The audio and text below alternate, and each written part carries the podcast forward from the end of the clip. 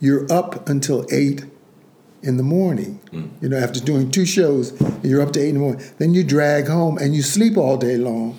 Get up around nine o'clock at night, shower, eat a little something, then go back to the same thing over and over. And after a while, it, it gets you. Yeah. After a while, when I went back to America, my skin was just horrible from all the makeup every night, mm-hmm. using tons and tons of makeup every night and all this stuff, you know. And, everything. and my family said, "God, you're so thin." And what happened to you? You know. And it was, an experience, but it was an experience.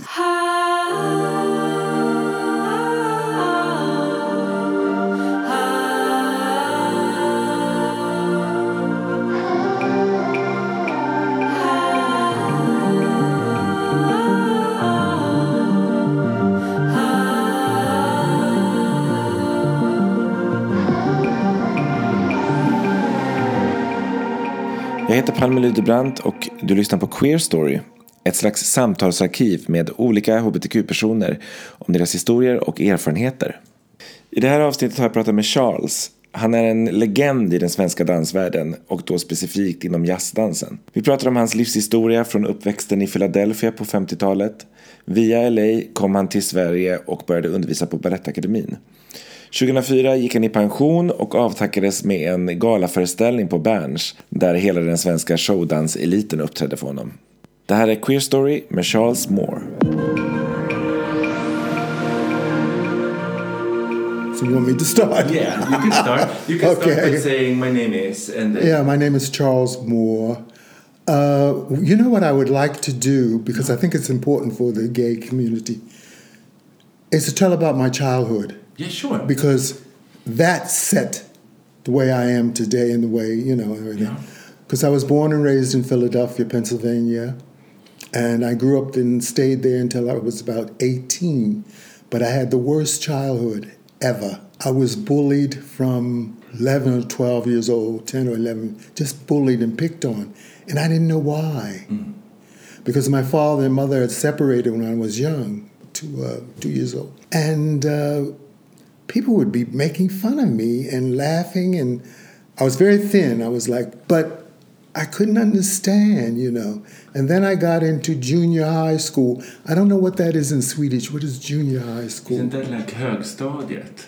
Kanske, Maybe. yeah. How old are you? You're like I was then uh, 13, 14? Yeah. Yeah, so it's It- högstadiet. Okay. I got into that, and then it got worse because they were like saying things and calling me, and I heard the word faggot, queer.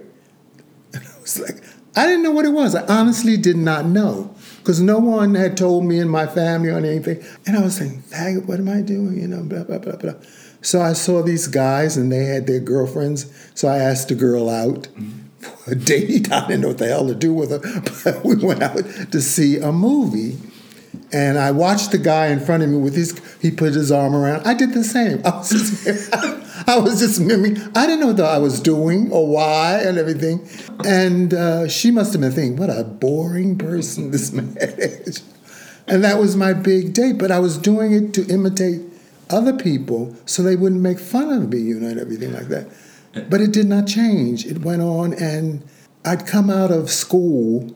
People would be all, they're always outside of school in the summertime as well, sitting and talking. And as soon as you, they'd be and as soon as I come along, we get like that.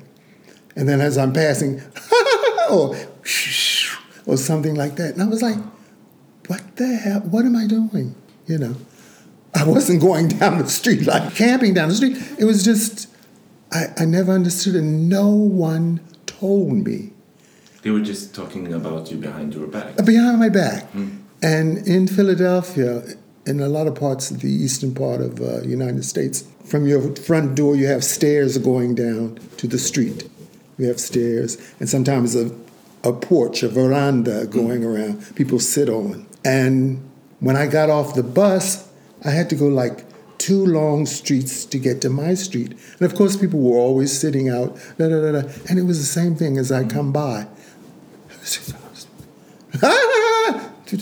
you know, can you imagine how, you know, when you're 13, 14 years, how you feel and you don't know why? You know, so this this went on and on and then I remember one day I had been at school, I don't know what had happened, it just took me off, and I said, I can't take this anymore. I'm going to kill myself. I really said, I can't take this. So I bought this stuff we had in America. It's called iodine. You put it when you get a cut, you put it on your skin to heal it, then you put a band aid mm-hmm. over and everything. So I bought a bottle of that, and I got some orange juice, and I poured the orange juice in the glass, and I put the iodine beside. And I sat there in the kitchen. I remember I was staying with my aunt. I was living with her, and just started crying. I could not stop crying because I was thinking to myself, I don't want to die. But I said, I can't go on living like this. But these people making fun of me and laughing at me. And I don't know, you know, what to do. So after crying for I don't know how long, I said, no, I want to live. I want to live. So I threw the stuff out and, you know, and a few days or not too long after that, I was in a choir at school, singing choir and everything. And I loved doing that, and the people were very nice. And the woman who ran the group, she said, You know, they're having auditions for male dancers for a school downtown uh, Philadelphia. If you, I know you like to dance, if you want to go down and see what it, I said, Oh, because I always like to dance, and I didn't know how, but I like to move and everything like that. So I went to the audition with some other people there, six boys, and they're always looking for boys. Even today, they're always looking for boys. this is never enough boys. And so uh, we went and auditioned. Of course, they took us and took us. It was a three-year course. You had to stay and How everything like. old were you? I was 15. 15. I was 15 years old. And as soon as I got in this atmosphere and started taking classes, then I saw other people like me in the sense, you know, I could talk to them, we'd laugh. And, and for the first time, I think, in my life, I felt like it's not just me, you know. And we'd party and da da da da da da da. And that's what saved my life dancing, to get into dance like that. Because that one suicide time, it could have been a whole different thing. I could have done and been gone, you know. And I'm sure so many kids nowadays are going through the same things. And of course, now they can read about it or they can see or someone's talking about it on, you know, something like that. But then there was no one, no one I could talk to. My mother was very open and everything, but we didn't talk about that. She was very open, let me do what I wanted to do and blah, blah, blah, blah. But we never talked about gay or being different or anything like that. So, Do you have any siblings? No, I was the only one. This was 1955, I think. Five. When you are 15, it's Yeah, 1955, yeah, yeah, yeah. So it's still 15 years before Stonewall. It's, I This- mean, yes, before any of that happened, I didn't know what a gay bar was. When I met these kids at dance school, and we were always, oh, let's, oh, there's a place downtown. I heard about it. Let's go there and see what it's like. It's gay. Really? And the three of us got dressed, and we're so young. We looked like little babies going in there.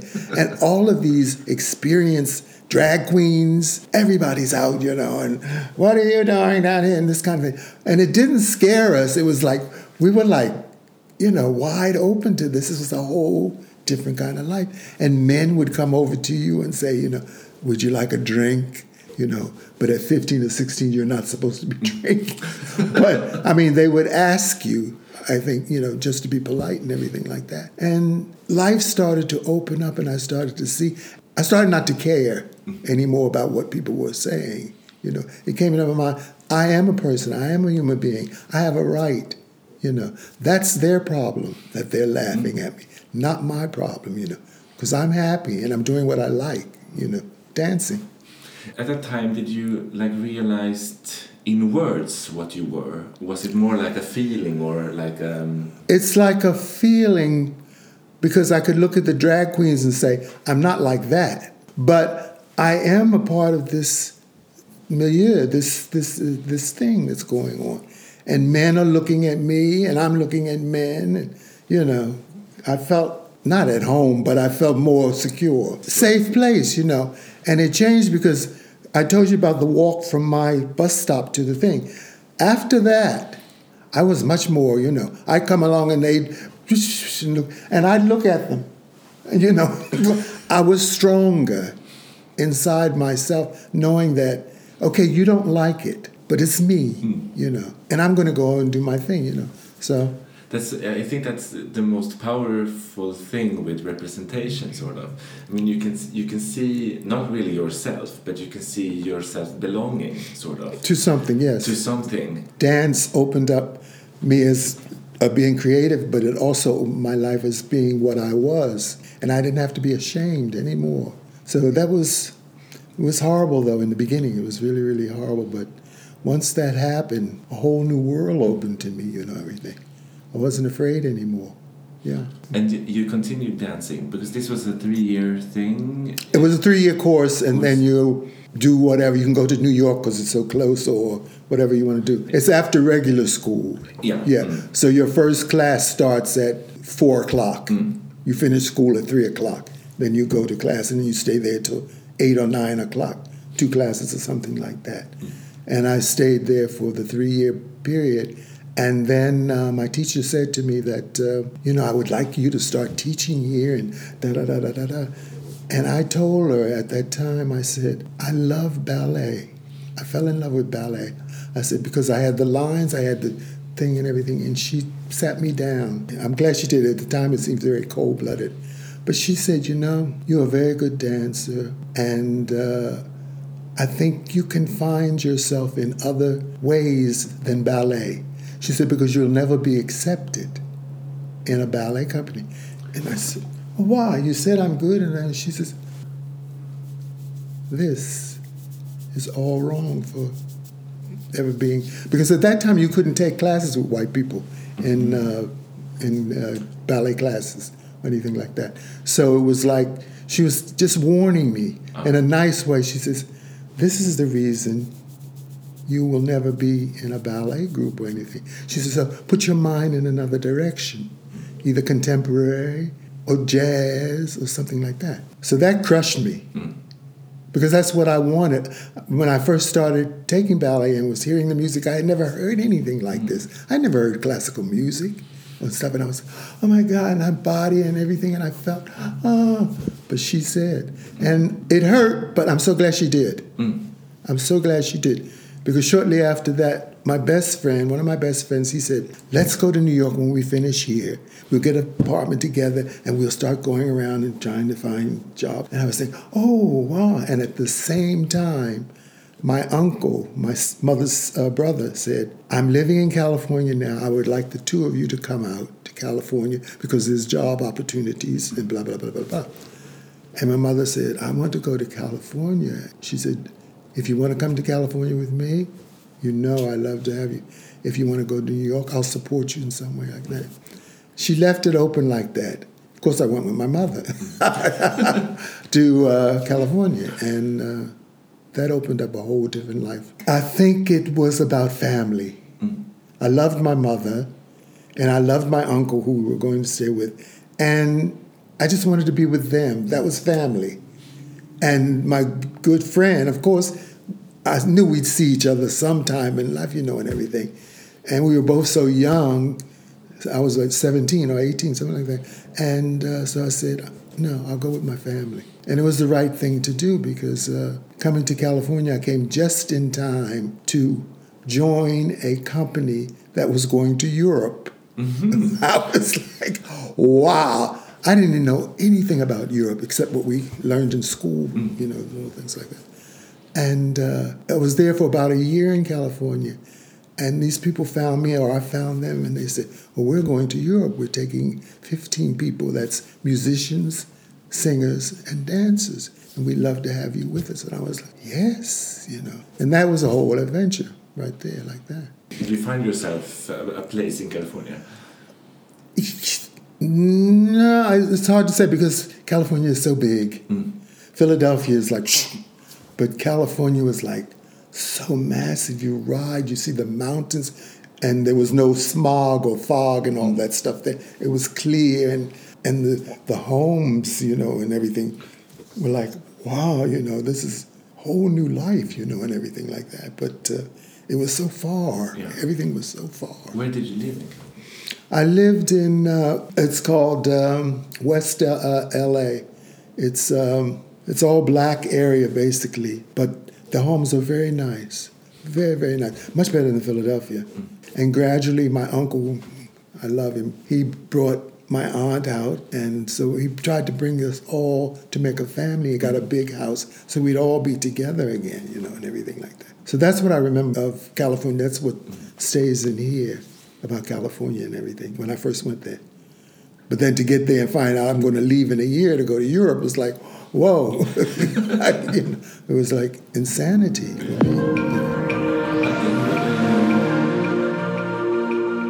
How long were? A year, but uh, I was all over Europe. We were in Spain, Germany, uh, Italy. Uh, uh, we were all over because we were touring. I didn't know anything about Europe. I really knew nothing about Europe. We landed in Spain, Barcelona, and it was like, oh my God, this. It was. I don't know. It's hard to explain because when you were 18 years old, you know, I, I didn't know anything about all of this kind of thing. And people would follow us around because at that time there were not many blacks. There were not many black people. So this was like, who are these young, black, pretty people, you know? We'd be standing looking at shoes and you turn around and there's a crowd around you. I was like, what do we do? You know, it, was, it, it was funny, but it was like, this is really weird. This is weird. Because uh, you were not the only black person in this company. This is all black. I have to jump back a minute too. When we went to Europe, we went by bus to different stops in the states to uh, perform. You know, before we got to New York and then went from there. And we stopped in uh, Missouri, St. Joe, Missouri. I'll never forget it in my life. We were playing there, and in the afternoon we were out walking. My girlfriend and I and one of the other kids just out walking. And we were in town. We said, "Oh, it's a hamburger place. Let's go and get some hamburgers." Okay, we ran in. And everyone swung around. And this woman said, Yes. We said, Three hamburgers. And she said, uh, Didn't you read the sign? No Negroes or blacks, you know, served in here. We were like, we had never seen that. we, had, we were like, huh? But what? We, we want to eat the food, not lay with you or, or anything. We'll take the food outside the door. She said, We do not serve black people in here. And we all three walked out of there like, uh, we couldn't understand it. It was just like the gay thing. Yeah. We could not understand why, why won't they serve us and everything. And so from that time on through the rest of the tour, we had to take the bus after we finished the concert, go to the back door of a restaurant and have them order the food and bring it to the back door for all of us. And we'd sit on the bus and eat it and then continue on. That was that was like That was like standard for every. yeah in the South and everything like that. So it was like I had never been exposed to that, you know. And then to come to Europe and get the opposite, with people standing around glowering at you because you're brown and you're different, I guess, you know, and everything. And in uh, what was it in Germany? Berlin, yeah, we were in Berlin. Giant theater we were playing in. And at the end of the show, the curtain closed and everything, and people were screaming and everything. And then we opened it to take our plautak. And they started running towards the front of the thing. We said, oh shit, what the hell is this? They ran down to the stage and started beating on the floor. What they were saying, more, more, we want more, we want more. We had never seen that before. You know, it was like, what is this? You know, this was like happening, and it was like, what is this? You know, and everything. So Europe, like, opened my eyes to a whole new world that I don't think I would have ever experienced. Mm-hmm. Not like that, you know. Well, not then I was nineteen. Yeah, being so young, it was. It's like you know, and none of the kids were used to this kind of thing. You know, it wasn't just me, and none of them. We were like, you know. So Europe was an eye opener. and everything. we never came north. We never came to uh, Scandinavia, Sweden, and none of these places up here. We stayed as Germany, Hamburg, Berlin, rather, was the farthest we came. Then, when the tour was over, we went back to the States, and I just worked in the States again. And then two years later, I don't know, my life is like set up. This is because of California, too. A friend called me and he said, uh, I'm looking for some. I, no, he didn't say I'm looking. He says, I want you to be in a show I'm doing in Paris. And I was like, huh? He says, uh, I'm doing uh, numbers for this show called the Lido, the Lido de Paris. And I was like, what's that? Because I had never heard of this. What is it? The Lido is the most, at that time, was the most fantastic show place in the world, in Europe anyway, not in the world. It's like a Las Vegas kind of thing with the showgirls, the boobies, the whole thing, the glitz and the glitter and everything like that. And uh, so I was like, the Lido? And he said, yeah, I didn't know either what it was. He said, yeah, we'll be featured. They called us the Hollywood Boys. There were five of us and one black girl. And we were called the Hollywood Boys. And we went to uh, Paris and stayed a year and a half working. But the thing about it, the downside is that we worked every day, 365 days. I was the only one that did that. Everybody else got sick and just said, I'm not going in. But I was so dedicated to my art that I'd go in there like this and do the show and then go home and pass out, you know, and everything like that. And it's long hours as well. First show starts around 11:30 at night and is over around close to 1. Then the second show starts at 2 a.m.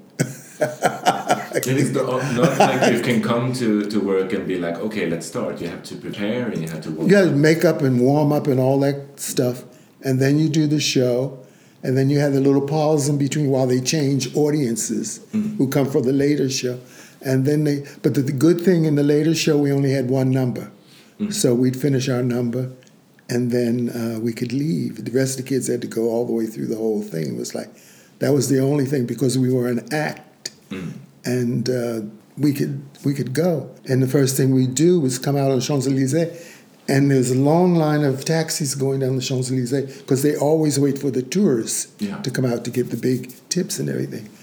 And we'd go down the line. I said, Monsieur, uh, where was I going? Pigalle. I was going, Monsieur Pigalle.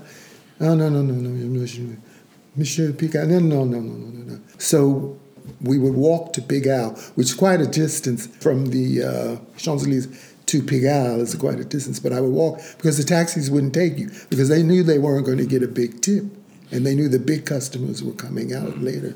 So uh, that was an experience. Have you ever been to Paris? Yes, yes, yeah, I've been. yeah. Pigalle is something in itself. It's a whole thing, and I don't know how this happened. We must have been in the right place, the right place. We were in Pigalle, and we were walking around this little street, and we saw this little sign say "Chez Michu." It was like, oh, looks cute. Let's go and have something to eat. Mussel soup. Okay. And the owner, Michu, small, short, blonde guy. Bonjour, monsieur. And we'd have our mussel soup and a glass of wine and everything. And it stayed open all night. So we liked it. At least I know I did. So I was in there every night. So Michu got to know us, and the doors were open automatically. And he was like, uh, "No, no, no, you don't pay. You don't pay. Bottles of wine for them, you know." And it got to be like we were like divas coming. He says, "These are the boys from the Lido de Paris. You know, you must." And out of that, his place got to be so crowded because the Lido boys were coming in there. And Lido at that time was like the big deal. And uh, they would come piling in and everything. And he had to open the downstairs to make more room and everything. So it was really doing great. And he loved that we were there every night. Of course, And we yeah. never paid for anything. And it's like a year of that doing. But the thing is, you're up until eight in the morning. You know, after doing two shows, you're up to eight in the morning. Then you drag home and you sleep all day long. Get up around nine o'clock at night, shower, eat a little something, then go back to the same thing over and over. And after a while, it, it gets you. Yeah. After a while, when I went back to America, my skin was just horrible from all the makeup every night. Mm-hmm. Using tons and tons of makeup every night and all this stuff, you know, and everything. And my family said, God, you're so thin. And what happened to you? You know, and it was, it was an experience, but it was an experience. It was Do you still have any contact with the uh, Hollywood boys? uh, the boys in the show. Yeah. Uh, sometimes we went out together. Sometimes it's so strange because no, we all, weren't all from California, but two or three of us. But we didn't really. We weren't. I don't know. It's strange. We'd go out separately on our own. I'd go to Pigalle. Someone would go there. Someone would go there. No, it's strange. I never thought of that. We didn't. We weren't like hanging out together or going out together and everything like that. It was strange.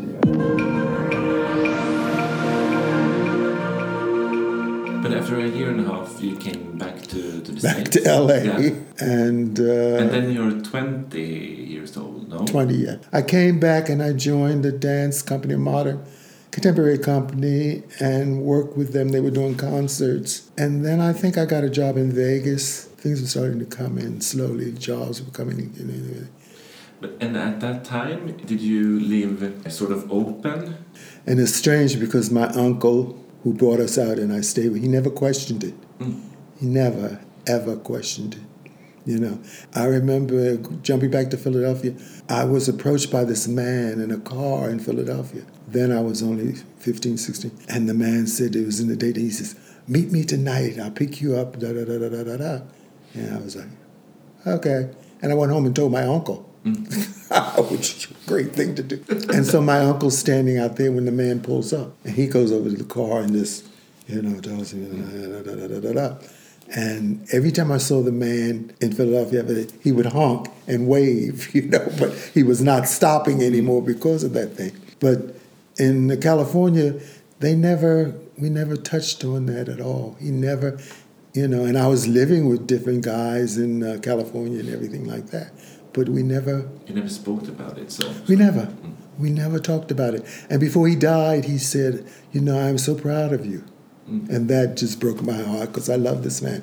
And he said, I, I am so proud of you, he said. And I said, That's all I needed. I mm. just, everything, yeah. Wonderful man, wonderful man who took care of us. What was his name? Walter, Walter Moore. And uh, my mother was his youngest sister, and my aunt was his oldest sister. And uh, he brought them all out, made sure they had a place to stay. And he worked in the post office. He didn't have any great job. He worked in the post office. That was nothing, you know, spectacular about that. But he made a living and he took care of his family with all of that. And uh, yeah. Did your mother know? She did, but we never talked about it really. We never really talked about it. She accepted my friends, you know, and everything like that. No, we never discussed it. She had me when she was 18 years old. That's pretty young. And uh, we never talked about it right up to the end, you know. Never said a word. What was her name? Mary, Mary Moore. Yeah, she died. Uh, she lived till be seventy nine, and uh, the last time I saw her was heartbreaking because living in Europe, and I'd go home on the summers or something like that, and each year I'd go home. She was going in dementia, Alzheimer, and that is the worst thing to see on anyone, especially someone you love dearly. And my aunt, her older sister, was taking care of her. And every time I'd go home, it was just drifting away. She was starting not to know me because I was gone all the time. And uh, near the end, my aunt didn't want to put her in a home. She loved her so much. She wanted, to, she was willing to take care of. her. And my aunt wasn't strong, you know. She was not, but she wanted to have her there. And this particular time, I went home, and she was in her bedroom, my mother, and uh, my aunt and I were talking.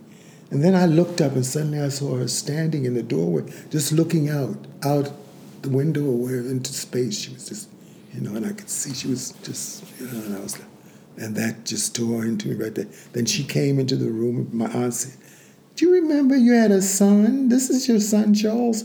And she just looked at me and smiled. And, you know, she had no idea who I was. The last words to her, I said, uh, I said, I was leaving, I said, uh, I don't know why I said it. Uh, what's your name? And she said very proud, Mary Moore. And I live in, and she knew the address in Philadelphia, mm. that we had lived the, the same address and everything. She said, and sat down very proudly and went off into this world again. And I drove off and drove around the corner and just broke down in tears. That was the last time I saw her, been about 15 years ago. Mm.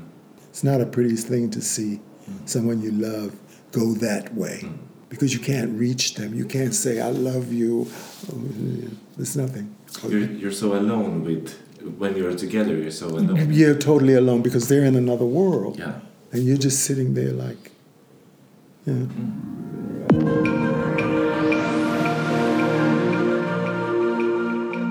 How did you end up at Balettakademin?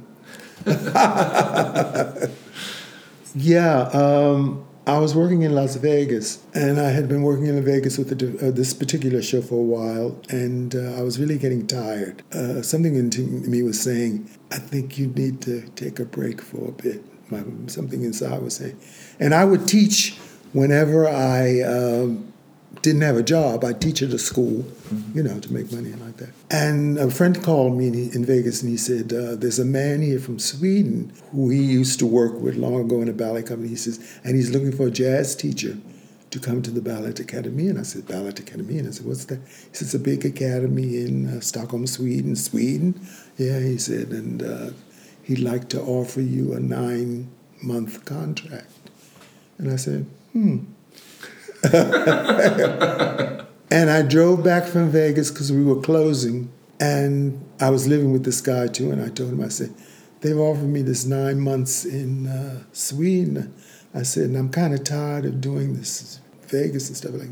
I said, do you think you'd mind if I went nine months to? Uh, he said, if you feel you know it's going to be good for you and Korea, blah blah blah, do it.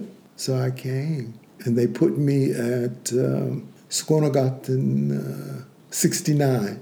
And they put me there on the fifth floor, one room, uh, small kitchen, bath.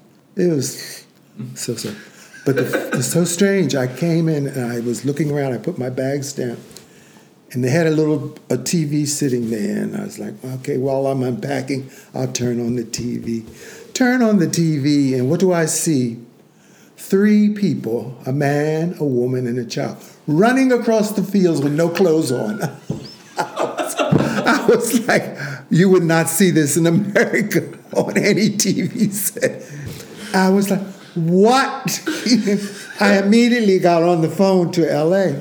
I said, You can't believe. I said, I'm sitting here in this apartment, and these people are running across the field with nothing on. said, I'm in Sweden, you know, and everything. And that started my journey here. It was like, oh my God, this is fantastic. At that time, the 59 bus stopped there at Skånegatan and then took you to Observatoriegatan and right around from Westmannagatan where the school was at that time. So it was an easy bus ride. But I'll never forget, this was in September. The weather was fantastic. Mm-hmm. It was one of those things that comes sometimes in Sweden yeah. in September and it must have been 12, 14, something like mm-hmm. just beautiful. And I rode down uh, towards the school and everything. And I looked out at the water. I said, my God, this place is beautiful.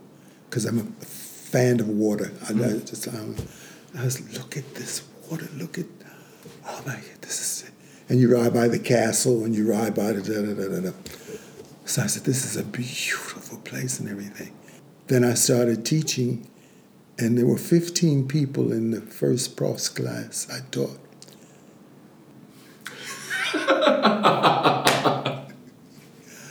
they were not so profs. I called home again that night and I said, You cannot believe this professional class. I said, There were 15 people in here. They were nowhere near professional dancers. And I was like, I got to be here for nine months working with this. And then they started teaching uh, me teaching yrkesskolan and hobby classes and all those other little things. And then gradually, word came out that there's a new teacher here from America. Oh, you got to go see his class, blah, blah, blah. So the classes started to fill, and then more and more people came. The level didn't go up, but the classes filled up with more and more people and everything. And then I was thinking, like, oh my God, there's something about Sweden. I don't know if it's the same way now, because I haven't taught or anything in a long time. But when you go to any place else, I think in the world, New York especially, L.A., Paris, London, dancers talk to one another in the sense that after a class, hi, where you staying? Want to go have a coffee or something? Not that they're trying to be get you, but just being friendly. No one, no one said a word to me about anything, and they'd smile at the end. Thank you, Doc, uh, Doc. you know. And so one day I was like, I can't live like this for nine months and not know where to go or anything like that. So I asked a boy. I don't know if he looked gay or what it was. I said, Are there any gay places in this thing? And he was like, uh, well, yes, there's a place at Stureplan called the Silver Bar. And I was like, uh, Silver Bar? Okay. I'll give it a shot, you know, I'll go down. And I went, and it was right at Stureplan where the mushroom is, with the big, right there, it sat there right in there. And I walked in, I was like, oh no. It was like a bar. It, it didn't look gay. It was just like a bar and then tables and stuff like that. And I walked outside. And it was so bright. And I was like, oh God, no, this can't be the only place here in Stockholm. So I sat down and I was talking, uh, drinking. And uh, some guy sat beside me and he started talking. I said, uh, Excuse me, can you tell me, are there any other gay places here in Stockholm? He said, uh, There is one place. Yeah, you go straight out Kungsgatan to the other side to Kungsholmen, and uh, it's on uh, Scheelegatan. It's called Piperska muren. I was like, Could you write that down? Because I'll never be able to say that. And so he wrote it down, and I left the bar immediately. And I came to uh, the street just before Scheelegatan. I don't know, it's a little street. And I don't know why. I went in there and I looked. It was so quiet and dead. I didn't see. I said, no, this is not a gay place. So I started back to go towards the Silver Bar. And then there were two men coming towards me. One was Indian, one was Swedish. And I could see they were gay. So uh, I just stopped. I said, excuse me. I, I said, uh, sorry to bother you. I said, are there is there a gay place around here? And he said, oh yeah, People's Community. We're going there now. I was like, oh, you know. At last, and you walk into this place, and it's across. It was across the street from this. Oh God, I don't know what that is. Not City Hall. It was some kind of big building right across the street from Scheelegatan. And it sat back away from the street. And you walk in, and you open the doors, and sitting in the middle of the room is this big guy who looks like a Buddha sitting there in his chair. And he's taking the money. He says, Good evening. Uh, I think it was 50 crowns, or I don't know how much to get in. If you go left, Schlager music. Older people, Schlager music. If you go right, disco. I went disco that way, like that. And it was like a whole new thing. I was like, at last, something that looks somewhat gay. And uh, there were quite a few people, yeah, there were quite a few people, people in there. And out of nowhere, this black guy comes over to me. He says, "Hi, how you doing?" I said, "Oh, fine. How are you? Where are you from?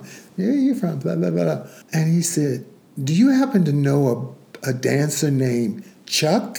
I said, "That's my name, Chuck." Are you Chuck? Were you in Italy? I said, ah, you know, it was like he didn't even recognize me and everything like that. Did you recognize him? No, No. I didn't recognize him either until he said Chuck, and you know.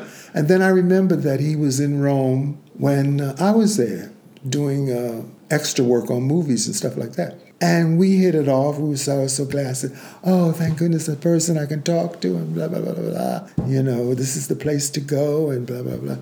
And so we would meet there. I would work Monday through Friday, and then I was off Saturday, Sunday. So I was there every Friday and Saturday. And uh, that was like the place to go at that time. This was 74. You came. You came to Stockholm '74. 74 was the first time I came because I had a nine month thing. And we were there, and then they had another th- place in Södermalm, Timmy. They had Timmy, which was, what is the club? R- RSV. Uh, RFSL. Yeah. And I went there sometimes, but it was more like a clubhouse with people sitting around and tables, and, you know, it was kind of different from what I, you know, imagined. I didn't go there that often, but those were the two places that you could go to at that time in '74. And uh, yeah, I think nothing else opened. I don't remember anything else opening while I was here then. And then I went back to LA and uh, stayed a year, and then came back because I met somebody here the last night. Beautiful, blonde, blue-eyed boy, and uh, we corresponded. We wrote to each other and everything. Just before I went back, I'd say about two or three weeks, he started taking my classes, hobby classes, and he was always looking at me and smiling. I'd look at him and smile, you know, and all that. And uh, the last night I went out to uh, People's Community for the last time. And he was there, and we went home and everything, and he took my address, and then he wrote me and when I got home, you know, and everything. And he said he would like to come to California and see California and see me and blah, blah. So he did. He came, uh, I think, around Christmas time or something like that, and stayed for like three weeks and went back. And I said, I'm moving back because I was breaking up with my friend who I'd been with. We were separating. For one thing, he found the letters, mm. and it was like, oh. So I broke up with him, and I came back here because I said, I think I have more of a chance here for my work, not just to meet men, but I had more of a chance, I think, for my work here. Were you planning to come back before, or was it like? No, no, no. I wasn't he, planning. No. no. So when it's he, when he came, and we got closer, and we just started planning. He says, "We can get a place together," and da da da da. And I was thinking, hmm. And then I also started thinking about the school that uh, it could be better. I said, I think maybe I could sort of bring something in to lift it up because it was like. Because the quality didn't get better during that. It got a little better. Better people were coming in and classes got better, but you could see that it had a long way to go. Mm. I think that was the first year they tried school where they had three year course. Mm. I think that was the first year. I thought it could be better if I came back. So I did. I came back in January of 76. And did you move in together with the, yeah. with the blonde guy? Mm. He had got an apartment at um, Den Mosebacke. Yeah, Mosebacke. Yeah. Mm. He got an apartment there at Mosebacke, and uh, we stayed there very briefly. And then he found another apartment, and we moved into that and everything. And uh, he was going to uh, Stockholm Scene School where you study acting. Mm. Yeah, he was going there for his courses and everything. But uh, I could see as we moved together more and more, it was not going to be a long relationship. You could see back in the mind that this is cute, but this is not going to be anything that's going to last and make anything, you know. So we slowly were pulling apart from one another and everything. It took about a year. But then my work was going up because things started coming in and Lill-Babs called me and she says, I heard about your classes. Can we have dinner together so I can talk? She was getting ready to put a show together for uh, Bansh. Mm-hmm. And uh, she said, I would like to put a show together. And we talked ideas and we hit it off right away. So I did her show. That would have been in 77. Yeah. And it was a huge success. It was huge. She said, This is fantastic. You know, I want you to stay with me and everything. Continue. You know, and Vicky von der Lancken, who does these, produces all these she was the producer on that and everything. And uh, yeah, she's like a super producer. Right, mm-hmm. right. She produces everything. So that was a good start. And from that, so much other work was coming. I was getting called by Stadstheater to do. They had at that time a New Year's review, and uh, it was so much going on. I was like, I couldn't keep up. All of a sudden, it was just like work, work, work, work, work, plus teaching, mm. plus going to Finland, Norway, Denmark I was going off to teach because yeah. they had heard about me and I was doing choreography and teaching in all these places. So it was like I was going like this, boom, like that. How did you find the time to to do I don't this? know. It's a full time job. It's a full time. You have to teach, then finish class and go and rehearse, and then go to another rehearsal. And it's like, you know, and then I got an assistant to work with me, and you know, but gay wise, it was still not that many clubs. They were after dark opened at David Bagares gata. I don't know what year that was. And then another place opened. But they didn't stay long, mm. these places. I saw the difference in the crowds were getting younger. Because before it was older, it was a mix. Mm. But they were getting younger and younger in the clubs and wilder in the clubs and everything. Wilder how? they were just more flamboyant. They were more, you know, like this. Before it was people came in, you know. Mm. But now it was like they were doing the whole bit. And this wasn't drag because After Dark had a lot to do with changing attitudes in that respect. Mm-hmm. It wasn't just that. They were taking the sort of the After Dark look and just using it in a masculine, more, you know, way like that. Like a punk kind of thing, mm-hmm. you know, like that kind of thing. God, I stayed until 1980. And then I decided to try Göteborg because um, this woman I know had a school there, Dance Forum, and she was asking me, uh, please come down here because we need you know, a teacher like you, blah, blah, blah. And I said, yeah, maybe I should get out of Stockholm for a while and go down. So I went to uh, for a year and uh, taught there at the school. Some nice students came out. In fact, the director of uh, Ballet Academy, director now of Ballet Academy, Jan, he was at the school. He was only 17, and he was taking my classes and everything. And I said, I said, you need to go to Stockholm if you want to grow as an artist. And I said, you need to go to Ballet Academy and get more training and everything. And he did. now he's running the Ballet Academy, you know. and he went on to be a good dancer and everything like that. So uh, Göteborg, yeah, I stayed for a year, and then I came back here. And then I had had enough of Sweden. For some reason, I'd had enough in yeah, 82. And I said, uh, I'm going home. I said, Stockholm was starting to, I couldn't say get on my nerves, but it was just like I had, I needed to move on. Just like when I stopped uh, dancing and went to Europe, you know, it just happened. And so I took it and I went back. And I stayed a year in uh, LA. The thing about in America, you can be as great and wonderful as you want to while you're there. When you leave, there's someone around the corner that's coming in that's going to be great and blah, blah, blah, blah. That's going to take you and take your students and everything. So people don't know you. So when I went back in 82, about four people remember Charles Moore, mm. you know.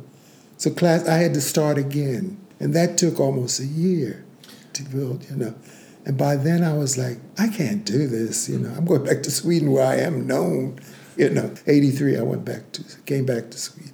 And then, is it from 83 you stayed here since then? No, I left I left in 87 to move to Munich. There was something about uh, the dances here that was annoying to me after having been back to America.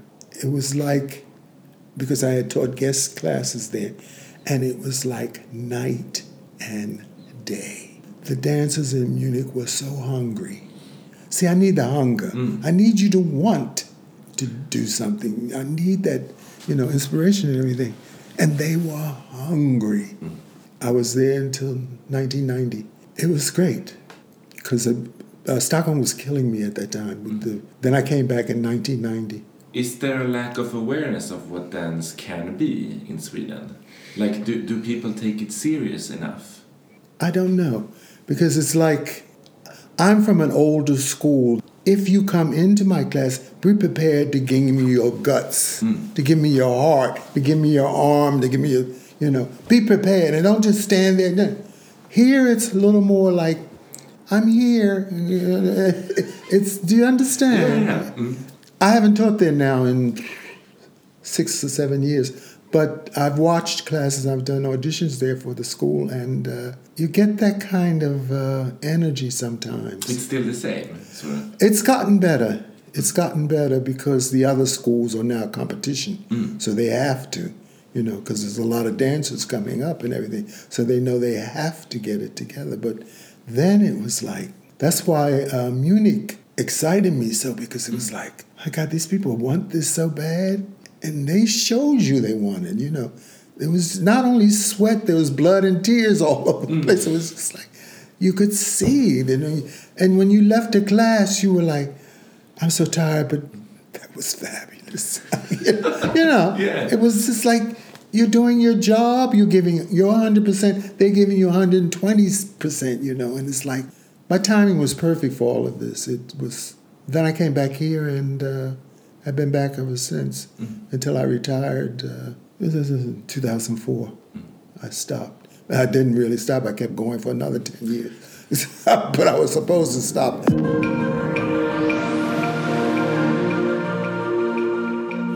When I retired 2004, they did the greatest thing here I think they've ever done. They gave me a gala and uh, 94 dancers danced. This is a Hamburger Börsen and uh, over 800 people came mm. to say goodbye to not to say goodbye to Charles, but uh, you know to salute Charles Moore and everything. most fantastic because you asked about something I'd like to remember. that was the, the greatest thing that ever happened to me in my life because it was like, you know, when they first started talking about it and everything, I was like, really? And they were thinking of doing Dansens Mm. And then uh, Jan, who arranged most of it, he was like, no, we need a place where people can drink, relax, see a show, you know, and everything like that. And he talked to Hamburger Börsen, and Hamburger Börsen is run by my student, the next student of mine. And he said, sure. I can be over 800 people. And they sent a limousine to my place.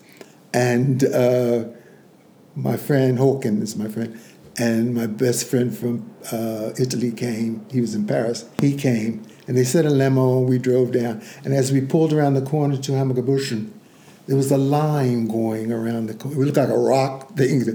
And the white limo came and they started applauding and screaming.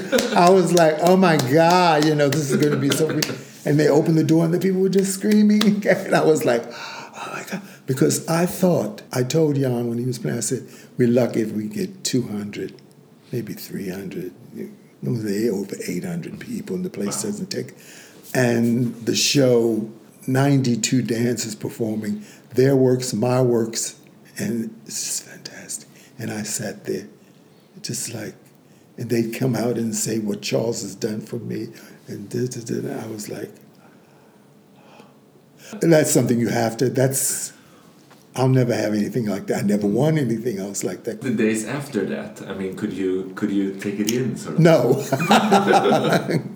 no. I yeah, I couldn't. I just sat there and teachers were coming out that uh, I hadn't seen in years. Charles, I don't know if you remember me, but you taught me the da da da da da da. And I was like, you, know, you sit there all evening and you're hearing this, you know, and this woman from Germany, Jessica Evanson, she came and she says, Charles, remember when you da, da, da, da, And they're just going down memory, going through my memory and going through all of this. And I'm just sitting there like, my God, this is what I came for was it any certain moment that was more like took you more of a surprise or like hit you right in the heart? Yes, near the beginning. My friend Håkan, I keep saying my friend. Mm. Håkan, uh, just before the show started, he said, I got to go to the toilet. I said, Oh, hurry up, Håkan, now, come on back. And Billy and I were sitting there, and he's like, They're into the show. Ten, we're getting on my nerves. Why didn't you come back? Jan comes out and says, um, Charles, we have a little surprise for you. Your friend is going to do something for you here on this stage with my wife. And I was like, oh, really? on the stage. And he came out and painted on this huge canvas a gigantic heart while she danced. And that was like, I was just, I lost it. It was like, he hadn't said anything. He had been coming to rehearsals and, you know, not, he hadn't said a word. And here he's up on the stage painting a giant heart to me and she's dancing. Wow. That's what I said. Wow. I couldn't believe it. I could not believe it. I mean, there was just so many moments all during the show like that that it was just, oh. So I never could ever get anything better than that. I don't think anything. I wouldn't want anything. There is nothing because it showed me that you know I have had this is my own fault I think I've always had this thing that I'm not good enough I'm not giving enough I'm not getting my message to you something if you're a student and I always thought I didn't do enough I didn't I've always had that doubt you know mm. but then to see it see your life in front of you and know that I did have enough I did do you know you know it's it's, it's something. Yeah. It's really something.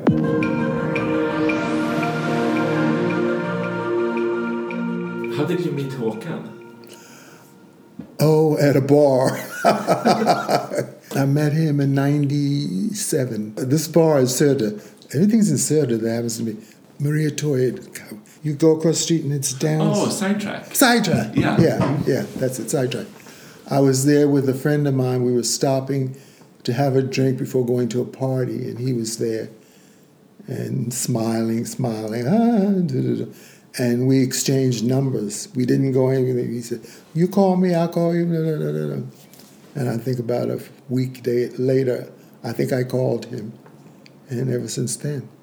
And ever since then, we've been together since 97. It's a long time. He's an artist. He's, uh, he paints and uh, paints very well. He's had many exhibitions here in uh, Sweden, Jämtland and Västerås and different places and everything. And uh, he's good. And you recently got married. And three weeks ago. Yeah. You, you said it before about that bond that you feel Yeah. afterwards. You know that it was going to feel different to get married? No, I didn't know. In fact, we were both like, ooh, why are we doing this? You know, it's like, married? Because neither one of us ever thought, you know, married and everything like that. And I'm from the old school where you only married a woman, you know, like that, not a man. It's like, so that was the difference, you know. And uh, then when we did it, you said it was a bond kind of a thing that, you know, we feel, we really feel closer, I think, now, since this has happened. Yeah. It's a nice feeling. It's a nice feeling. Yeah.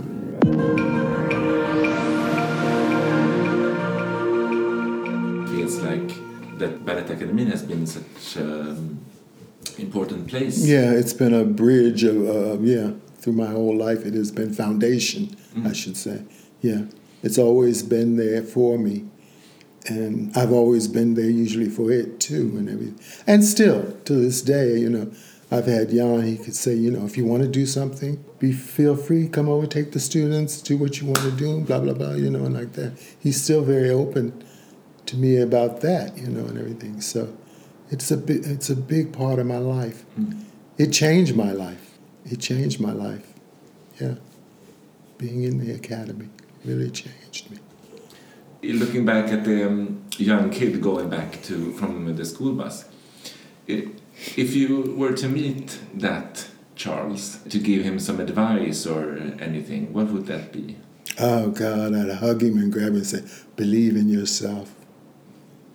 Believe in yourself. Do not pay attention to jealous, evil people. Just believe inside what's inside your heart is you. And be that, you know. Don't let other people tell you how you should live your life, you know. Be what's here and this won't let you go wrong, you know, like that. That's what I think I would say if I, you know, ever did. yeah, Thank you so much for for letting me talk to you. my pleasure. it was pleasure talking to you. I didn't think I was going to be able to say anything. I was like, what am I going to talk about? You know, and I was like, I forget how much life there is that I've had out there, you know, and everything like that. So. But I thought it was very important that in the beginning to tell you the childhood, Yeah. because it has to do with what is going on with bullying Yeah. of kids and everything today, and those kind of things should be put out to let them know that, you know, believe in yourself. There's hope. You know, don't let these people, you know, because there's always somebody pushing somebody around and telling them this, especially with media and uh, all. You know, they they're being attacked, cyber attacks and all that kind of stuff they need the hope to, to, to know that they're worth living, you know. It does get better. It takes time, but it gets better. Believe in yourself, you know. I think it's very important to hear that you can come out, you know, on the other side. And feel good about yourself, you know. Uh, Go through a whole lot, but you, you know, because people, parents need to say things to their kids to let, to, to encourage them to let, don't tear them down, you know. Don't tear your kids down because they don't particularly like football or whatever, or you know, dolls or whatever. Don't tear them down for this. Support them. It's so it begins at home. You know, with with kids, it begins at home, and it's what parents give to their kids in the beginning to say, you know, you're loved, you you're fine. You know. The,